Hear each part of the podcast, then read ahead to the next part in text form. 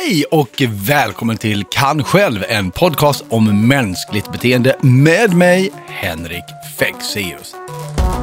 Det är ganska svårt att skrämmas. Det är så väldigt personligt med vad som skrämmer. Jag har upptäckt att en grej som funkar väldigt bra är också att liksom påminna ibland om hur det kunde kännas när man var mörkrädd som liten. Gå ner i källaren och hämta någonting åt mamma och pappa. Smyga ner för den här trappan och känna att någon kanske skulle sticka fram en hand och slita tag igen. Men det som läsarna kommer fram och pratar om är ju oftast just det här. Oh, det kändes som att man, man var där och man, man har ju känt de här lukterna.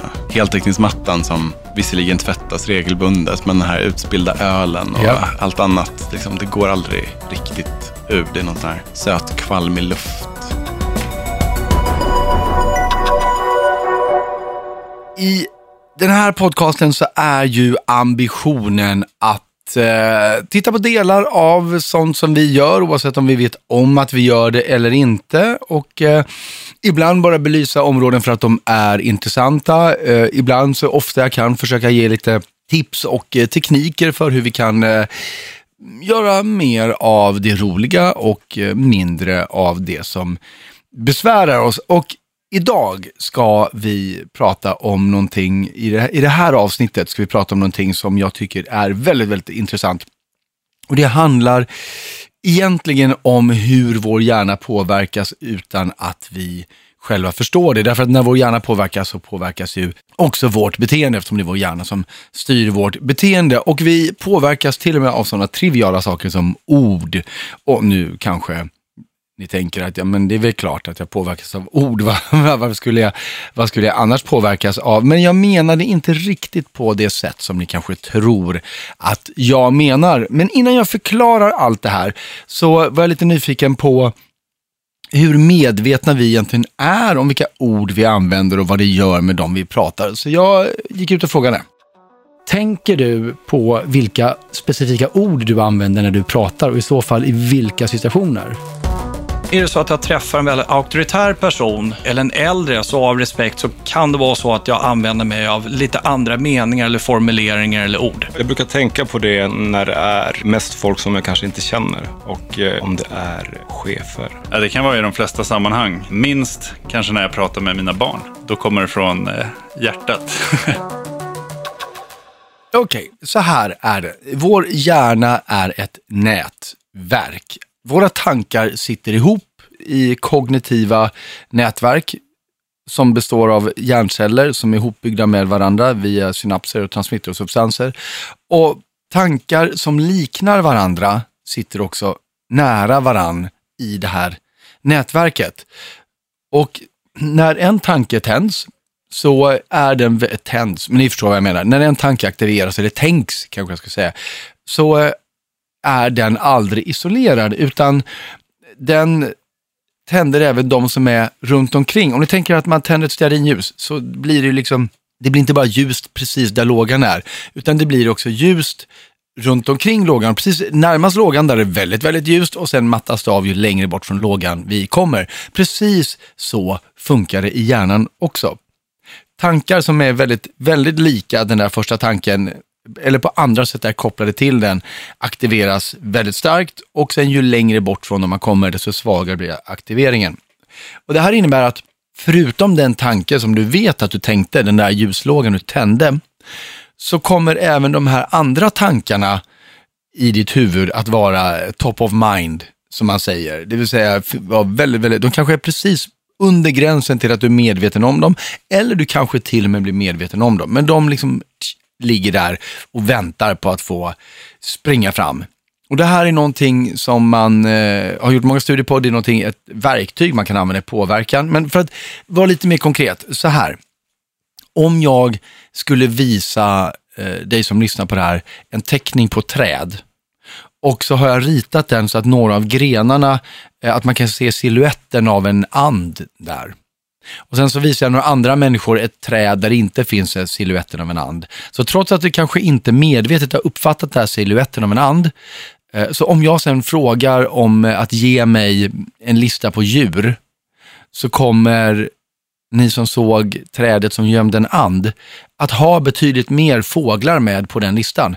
Därför att när ni såg den här bilden så registrerade er hjärna siluetten på anden och gjorde då fåglar det centrat mer aktivt i hjärnan än de som inte såg någon sån silhuett. Och när jag sen ställer frågan om djur, ja då kommer fåglar väldigt lätt. På samma sätt, om jag slumpmässigt skulle slänga ut några siffror och sen fråga hur många medlemsländer som finns i FN, så om ni inte redan vet hur många medlemsländer som finns i FN, så kommer ni välja en hög eller låg siffra i relation till huruvida siffran jag nämnde innan, som inte hade någonting med det här att göra, var hög eller låg. Därför att den mängden, det antalet, ett högt eller lågt antal, har plötsligt blivit aktiverat i era hjärnor. Och det här gäller även med ord.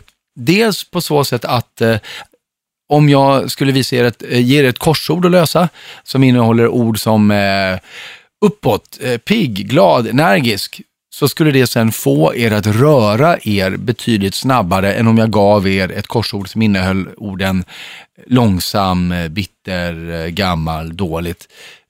Därför att när hjärnan aktiverar den typen av tankar så börjar den också fundera på hur det är att vara på det sättet. Så att det här nätverket i hjärnan, när vi tänder en ljuslåga och då också belyser tankarna närmast, påverkar inte bara vad vi tänker på, utan det påverkar också hela vår biologiska varelse eftersom hjärnan och kroppen sitter ihop. Och samma sak gäller förstås med ord då. Ord som liknar varandra sitter nära varandra. Och det innebär att genom att använda ett specifikt ord så kan man tända de närliggande orden och då också de associationer som de ger. Eh, bra exempel på det här är författare som eh, använder sig av den här tekniken för att eh, namnge karaktärer i sina böcker. Och mitt bästa exempel just nu är ju J.K. Rowling med Harry Potter. Där, det är inte en slump att Snape heter Snape.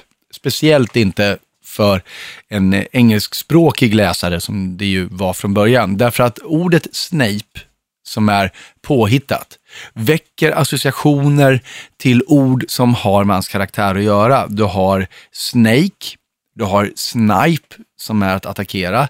Du har Snide, alltså att eh, reta eller, eller, eller vara, vara elak mot någon.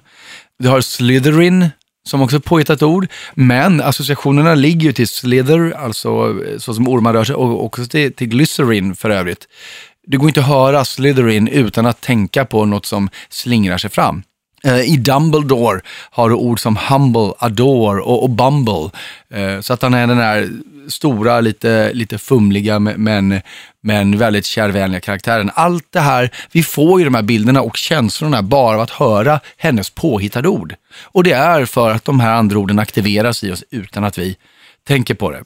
Å andra sidan så kanske det inte riktigt är deras fel. De, de, de kanske inte hade något val. Snape kanske var tvungen att vara elak. Han kanske aldrig hade kunnat bli god. För det finns nämligen någonting som heter nominativ determinism. Och det är teorin om att våra yrken överrepresenteras av människor som heter det de jobbar med.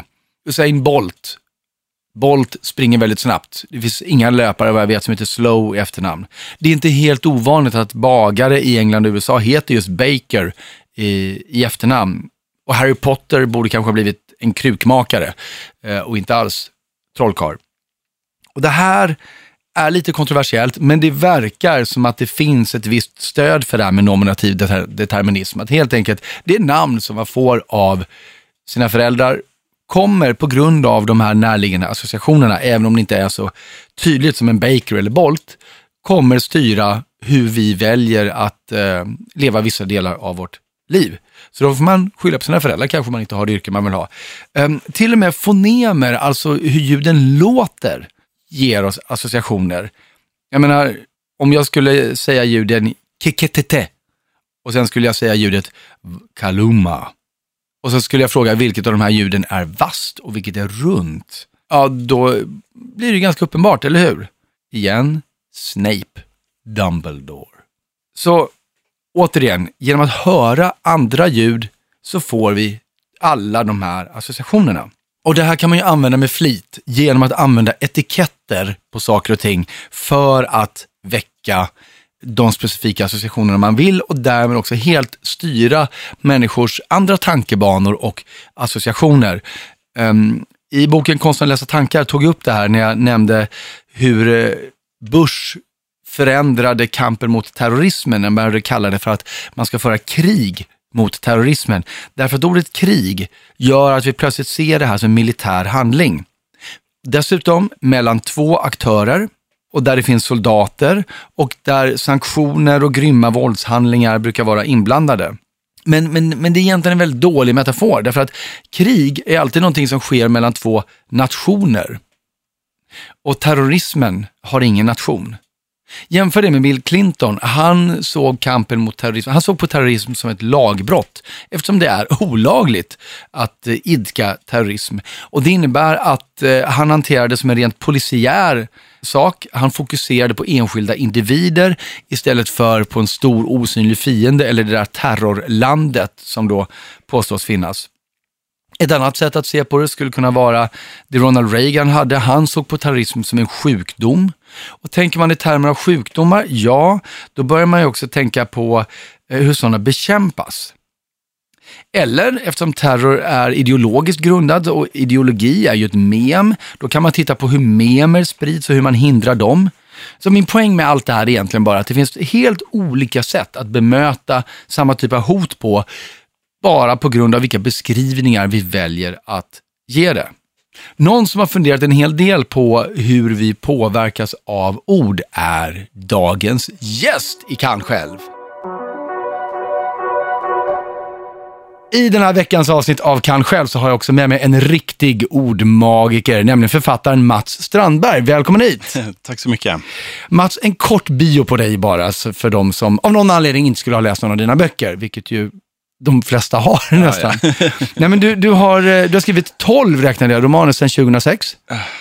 Wow, okej. Det är rätt mycket. Mm, det är en del. Eh, Och bland dem eh, Ängelfors-trilogin som du skrev med Sara Bergmark Elfgren. Yes, Första delen till och med nominerad till Augustpriset. precis. Cirkeln. Ja. Ja. Och, och sen dess, du har en succé med skräckböcker för mindre barn om monstret. Mm, Du skriver också skräck för vuxna nu. mm. Massvis med länder är du utgiven i. Ja, Det blir film, cirkeln blev film. precis. Och vi hoppas på film på både Färjan och Hemmet faktiskt. Som Mina är två dina två. Precis. Exakt.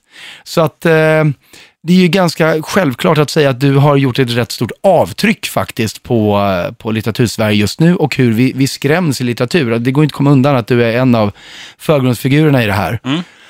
Och då tycker jag det är så intressant, därför att man kan ju jobba med, med genrer. Liksom. Om man skriver science fiction, då handlar det om en verklighet som inte riktigt är som vår. Skriver man romantik, då ska bara folk bli kära. Är det en deckare, då är det någon som blir mördad, så ska man lösa mordet. Men den genren du rör dig i, den är liksom inte bestämd av narrativet, utan den är bestämd av känslan. Mm, precis, ja, men exakt. Det är liksom, man får ju alltid frågan vad är skillnaden på skräck och thriller eller vad är, liksom, vad är skräck för någonting? Och jag tänker liksom att det är till för att skrämmas. Det är väl det enkla Ja. svaret, helt enkelt. Och det är ju ganska, det är ganska svårt att skrämmas. Det är så väldigt personligt med vad som skrämmer. Vad som skrämmer mig kanske inte alls skrämmer dig till exempel. Nej, men, Tvärtom. och du har ju också väldigt begränsade verktyg. För att om jag skulle skrämma dig, om jag hade tillgång till liksom en, en gummimask, och belysning och lite läskig musik, men, och, och att kunna träffa dig mitt i natten, då kanske inte skulle vara så svårt. Men dina verktyg är svarta tecken på ett papper. Ja, och du har ingen aning om det mentala tillståndet eller platsen som läsaren befinner sig på. Ju, när de möter din text. Så hur, hur går du tillväga? Um, kanske borde börja med någon sån här pop-up-effekter i böckerna, liksom, så att någonting det. hoppar fram mot den. Uh, fast annars är det svårt. Ja, nej, men alltså, jag tänker så här liksom, att skräck är ju väldigt mycket... ehm, det finns ju en filmteoretiker som heter Linda Williams som skapade uttrycket uh, kroppsgenrer. Alltså hon menar på att skräck, melodram och porr är uh, kroppsgenrer just för att man, det handlar väldigt mycket om kroppen och upplevelsen av att vara i kroppen och hur det känns. Liksom. Och man vill också framkalla en fysisk reaktion hos läsaren. Eh, ja, du fattar ju själv. Ja, liksom, absolut. Ja, vilka diverse. Ja. Jag tycker det där stämmer väldigt bra. Jag tycker liksom, för mig handlar det väldigt mycket om att försöka bygga upp just den här äh, närvarokänslan hos läsaren och liksom beskriva väldigt mycket liksom så här, hur luktar det, vad är det för temperatur i rummet, liksom hur, eh, alltså jag brukar ju ofta använda liksom musik, låttexter och sånt Mm. där också. För jag tycker ofta det är en väldigt bra grej som kan trigga igång minnen eller liksom sätta en karaktär eller en, liksom ett decennium. Men, men då kräver det ju, kräver inte det då att, att, lyssna, eller förlåt, lyssna, att, att läsaren har eh, samma associationer till den här låten och samma minnen som de du vill väcka? Jo, absolut. Men jag tänker liksom som i min nya bok eh, Hemmet, så eh, de två huvudpersonerna, Joel och Nina, hade ett band ihop på 90-talet.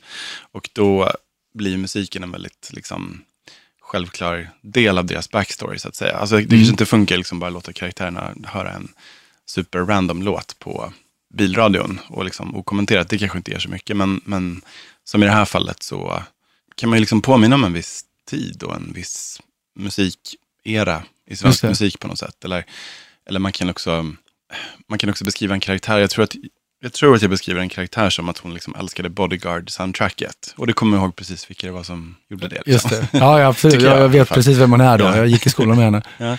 Men, men när du då liksom, för det låter som att du vill blanda in eh, så mycket sinnesintryck som möjligt hos, hos läsaren. Absolut, man kräver ju väldigt mycket av en läsare som ska läsa om någonting liksom, väldigt tydligt, Mm. overkligt så att säga. Så, um, så absolut. Om jag förstår det rätt då, är det då så, om du, om du nu väcker sinnesintryck hos läsaren genom att påminna dem om hur saker och ting luktar och låter och känns och, och, och sådär.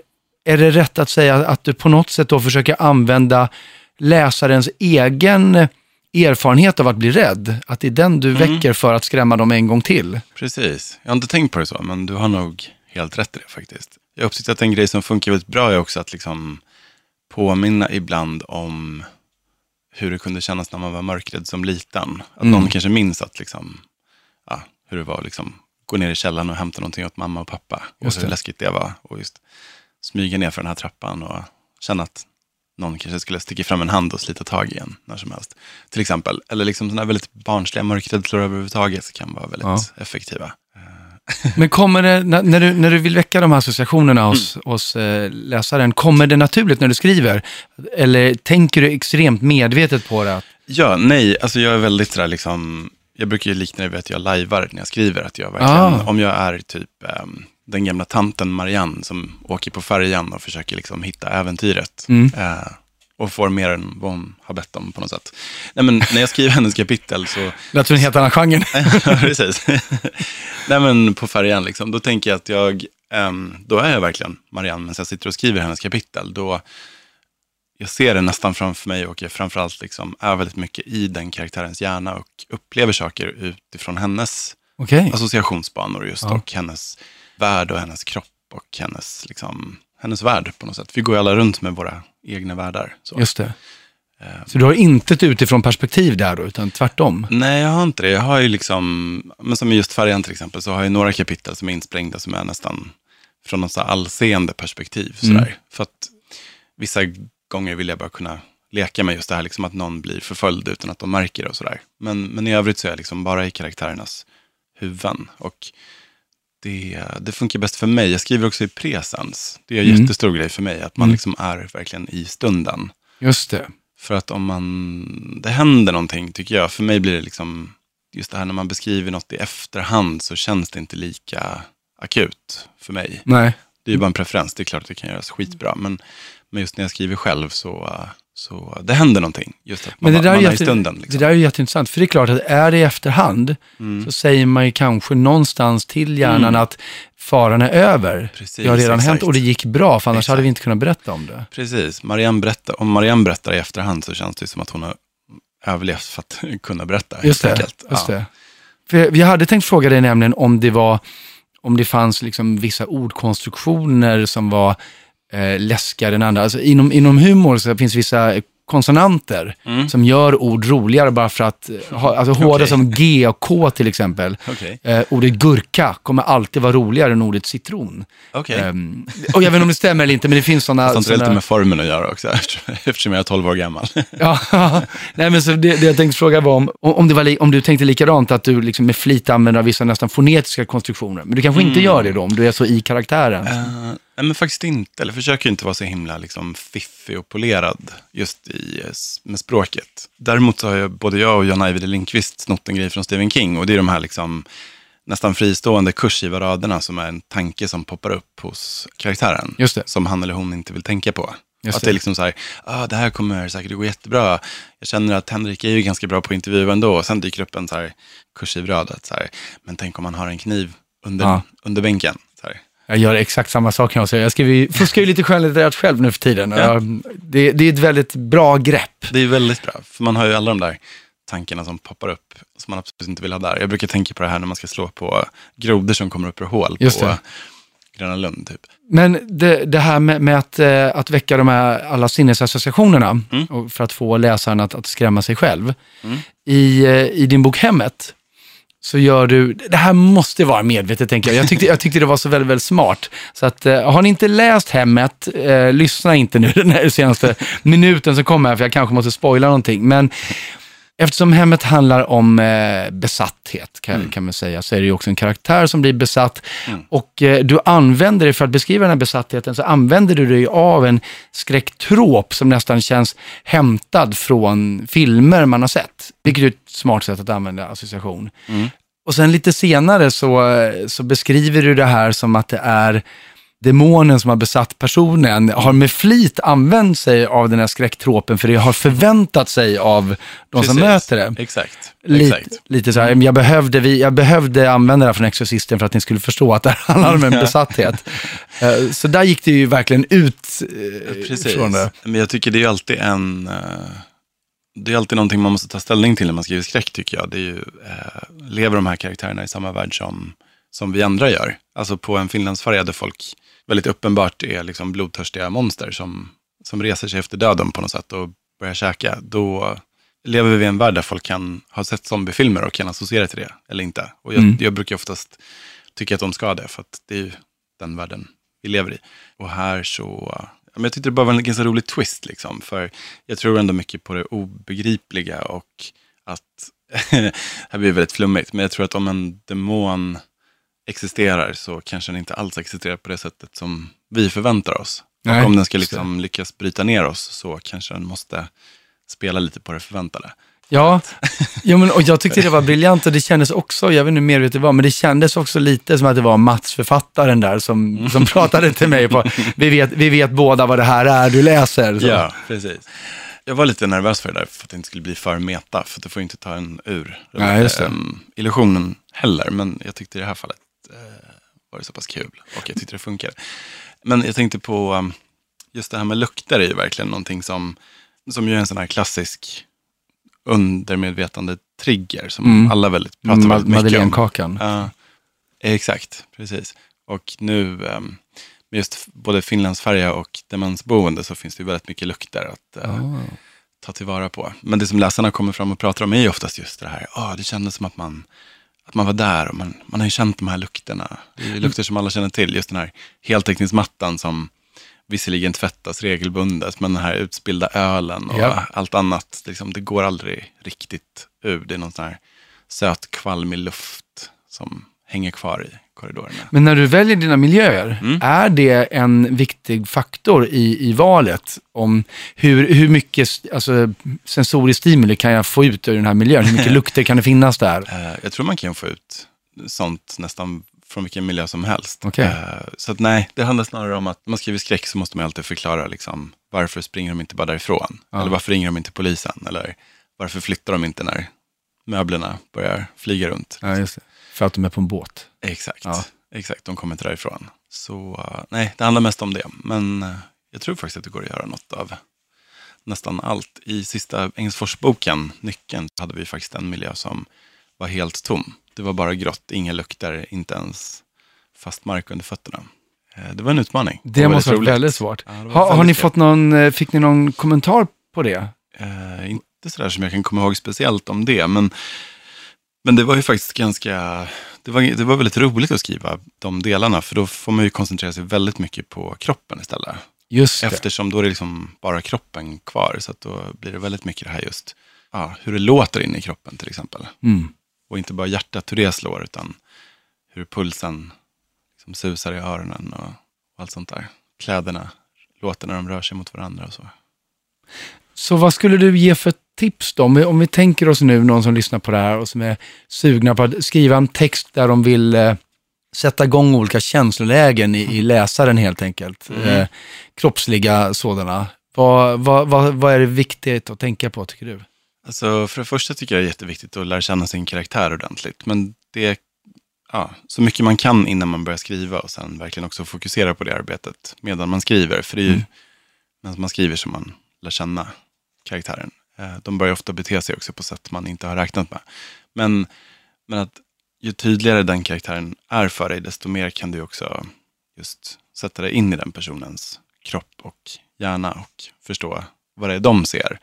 Det kan också vara väldigt kul när man har flera olika berättarperspektiv och ser samma händelser från olika håll. Alltså att den, eh, som på färjan till exempel, att den här Mar- tanten Marianne ser en händelse som såklart tolkas helt annorlunda av den 12-åriga killen Albin. Eftersom de har så helt olika. Sådär. Och försöka liksom också förstå just så hur de är i sina kroppar, vad de har för kroppsspråk, hur de ser på sin kropp, om de har ont någonstans, om de känner sig tunga eller lätta, om de har rak hållning eller går hopkurade. Om vi leker med tanken att, att man ska göra en text där det faktiskt inte finns en karaktär då? Okej, du menar som ett allmänt berättarperspektiv eller? Ja, eller, eller varför inte gå hela vägen? Säg att, det, säg att, säg att det ska vara ett pressmeddelande. Och jag, men jag samtidigt vill skrämma någon eller få dem lite upphetsade. eller, eller, eller du vet, väcka de här grejerna. För det borde ju gå att Ah, använda samma okej. tekniker, tänker jag.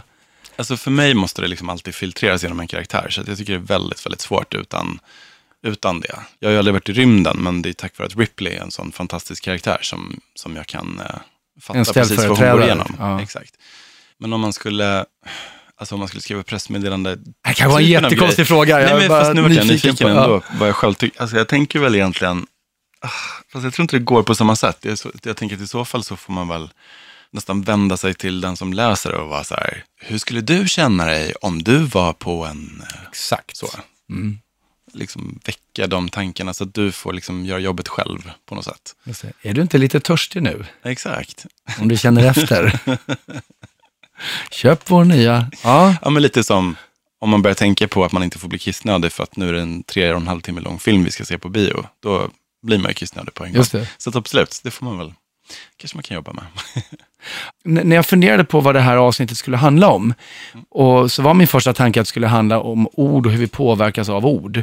Men jag insåg väldigt fort att det enda orden gör är ju att väcka associationer till andra ord eller direkt till känslor. Men även associationerna som är till andra ord. För att de ska vara meningsfulla för oss. Så fort någonting blir meningsfullt så innebär det att känslor är inblandade. Och det kan vara känslor av eh, ilska och rädsla och glädje, men det kan också vara rent kroppsliga sensationer.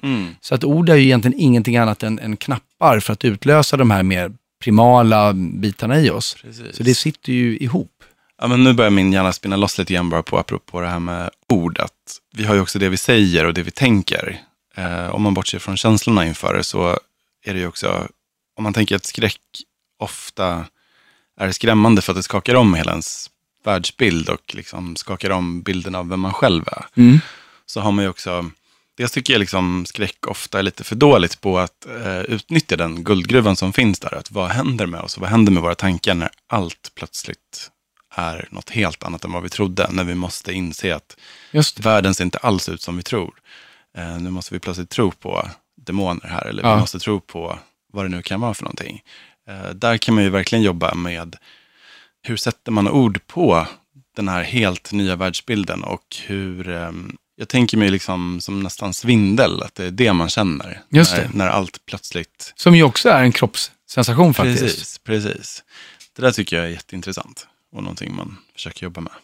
Jag tror liksom ändå att alla känslor har vi ju alla inom oss, även om situationerna kanske är overkliga. Så, så vi kanske inte haft en mamma som har blivit besatt, men vi känner igen känslan av fasa inför att någon man står nära plötsligt är sjuk, behöver hjälp. Liksom den här hjälplösheten, den här ångesten, rädslan för någon som plötsligt beter sig annorlunda. Det är det man får utgå ifrån hela tiden. Men jag tänker just på det där du sa med, med eh, ord som vi säger och inte säger. Mm. Ibland så möts vi av inga ord alls, av tystnad. Mm, Och det kan också skapa starka Mm, reaktioner i oss förstås. verkligen. Så det är inte alltid bara ord som triggar, utan avsaknaden av dem kan vara väldigt... Definitivt. effektivt också. Det är ju ofta ganska dåligt berättat när karaktärer sitter och berättar precis vad de känner och tänker för varandra. Utan det är ju Det spännande ligger just vad som inte sägs och vad som ligger mellan raderna. Mats, du har ju också varit så snäll så att du har ju tagit med dig exempel på det du skriver som man kan få höra. Vad är det, vad är det du har tagit med? Jag har tagit med mig tre stycken prima ljudböcker på min senaste roman Hemmet. Exakt, och tanken är att de här kan man vinna. Så eh, om ni mejlar till mindmonkey at henrikfexeus.se, alltså mindmonkey at henrikfexeus.se och svarar på frågan vem illustrerade Monstret-trilogin som Mats skrev, så har ni chans att vinna en av de här tre fantastiska ljudböckerna. Så eh, stick iväg, köp Monstret-trilogin, läs den, se vad illustratören heter och vinn en ljudbok av hemmet. Mats, tack för att du kom hit. Tack så jättemycket. Har du något eller några speciella ord som du vet att du ska använda om du vill påverka någon till exempel? Inte medvetet, skulle jag säga. Ja, det kan det vara. Det kan vara eh, exempel fantastiskt. Man använder sig av olika positiva attribut. Ja, det där är lite olika. Ibland, ibland så kan jag slå på norrländskan lite extra mycket och lite norrländska, typiska norrländska ord. När gör du det? Ja, om, om man vill slå på charmen liksom. Man blir charmig när man pratar norrländska. Ja, men jag tror det. ja, jag tror det också. Så Mats Strandberg jobbar som ni hör väldigt mycket med beskrivningar för att väcka känslor hos den som läser. Och det här gör du också hela tiden. De ord du väljer att sätta sak på saker och ting blir beskrivningar av det som i sin tur väcker känslor. Och ibland väcker du inte de känslor du vill hos dig själv. Och du kan fundera lite på vilka ord du brukar använda att beskriva din världsbild med, om de är speciellt konstruktiva för dig eller inte. Det finns nämligen studier som visar att om människor som är väldigt oroliga för att någonting kanske ska hända som de känner det här kommer vara fruktansvärt eller det kommer vara hemskt. Deras orosnivå minskar avsevärt om de byter ut de där orden fruktansvärt och hemskt och istället kallar det som ska hända för att det kommer vara obekvämt och, och eh, olämpligt kanske. Vilket ju är jätteintressant.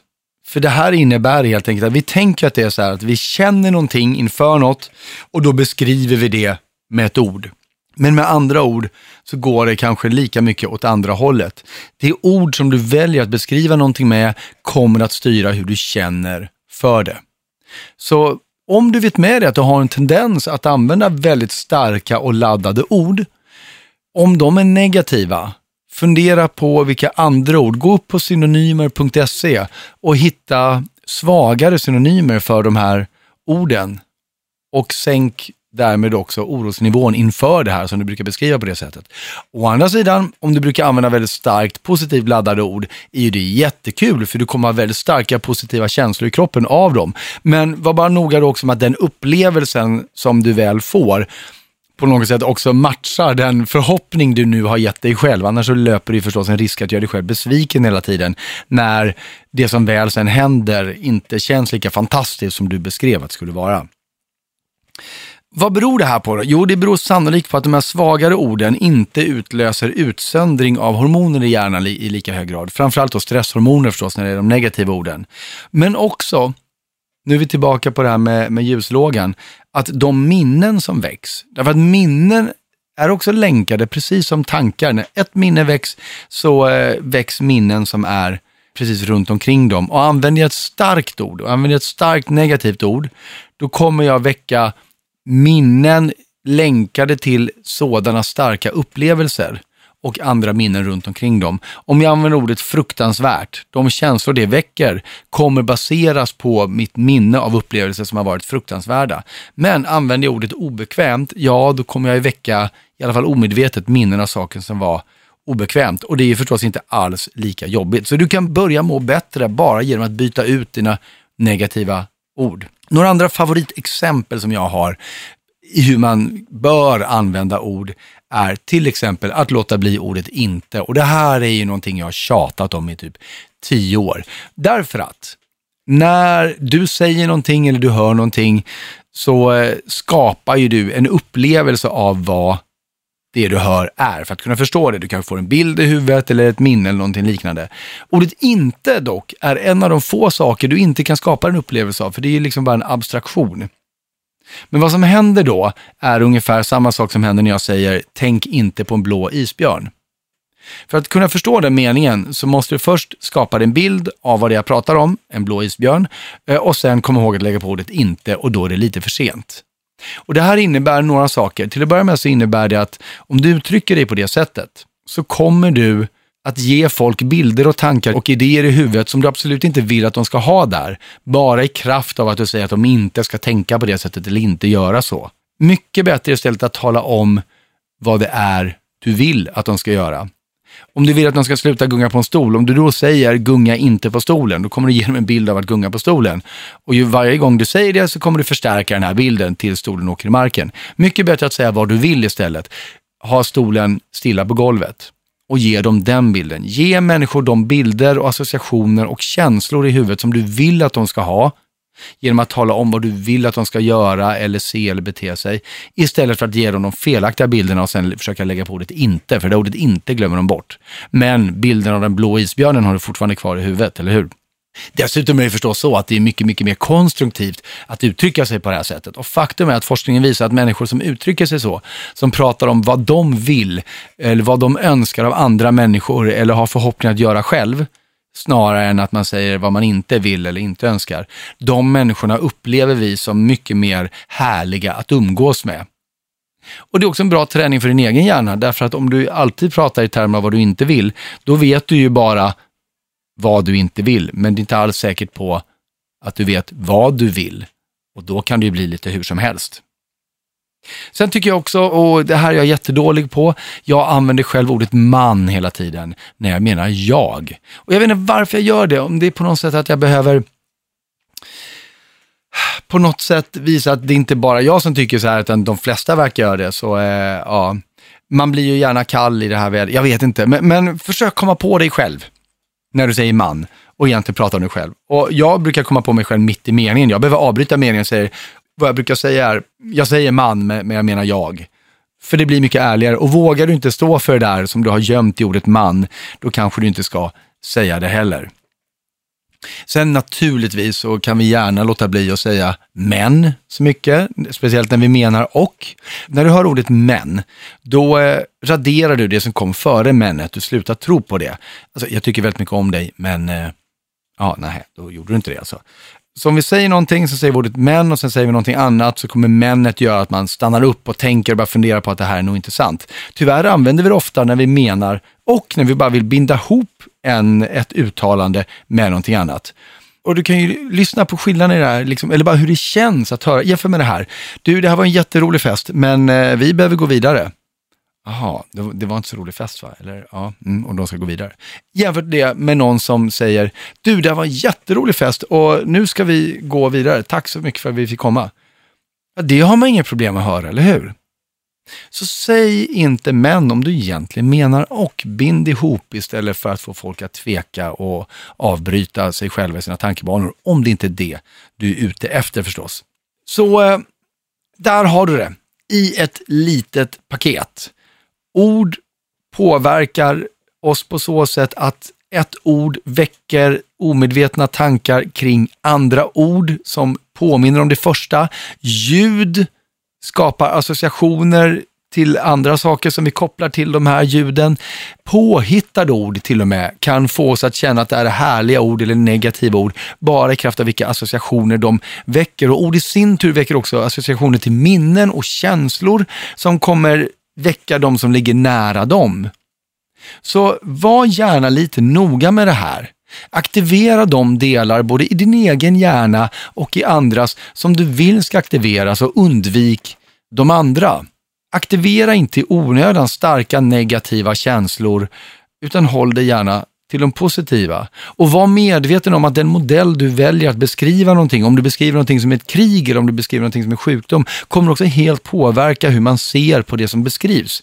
Så hej, här är ett tips som vi kan avsluta det här avsnittet med. Om du håller på att lösa ett problem och har kört fast, hitta en helt annan metafor för det här problemet. Fundera på, ja men om, eh, om vi ser det här problemet som en cirkusföreställning, vilka, vilka delar finns i en cirkusföreställning? Ja, där finns ju en... Hur jobbar man med en cirkus? Jo, man har en, en ringmaster och så finns det väl clowner och det finns de som säljer biljetter och de som säljer popcorn. Se om det går att applicera på ditt problem och ger det en ny vinkel. Eller om vi ser det här som en sjukdom, som vi pratade om innan. Hur bekämpar man en sjukdom? Istället för att se det som eh, ett krig. Och med de orden, inte jättevisa, men förhoppningsvis något tänkvärda någonstans, lämnar jag er för den här gången. För vi är klara med det här avsnittet av Kan själv och jag hoppas att vi hörs igen snart. Hej då!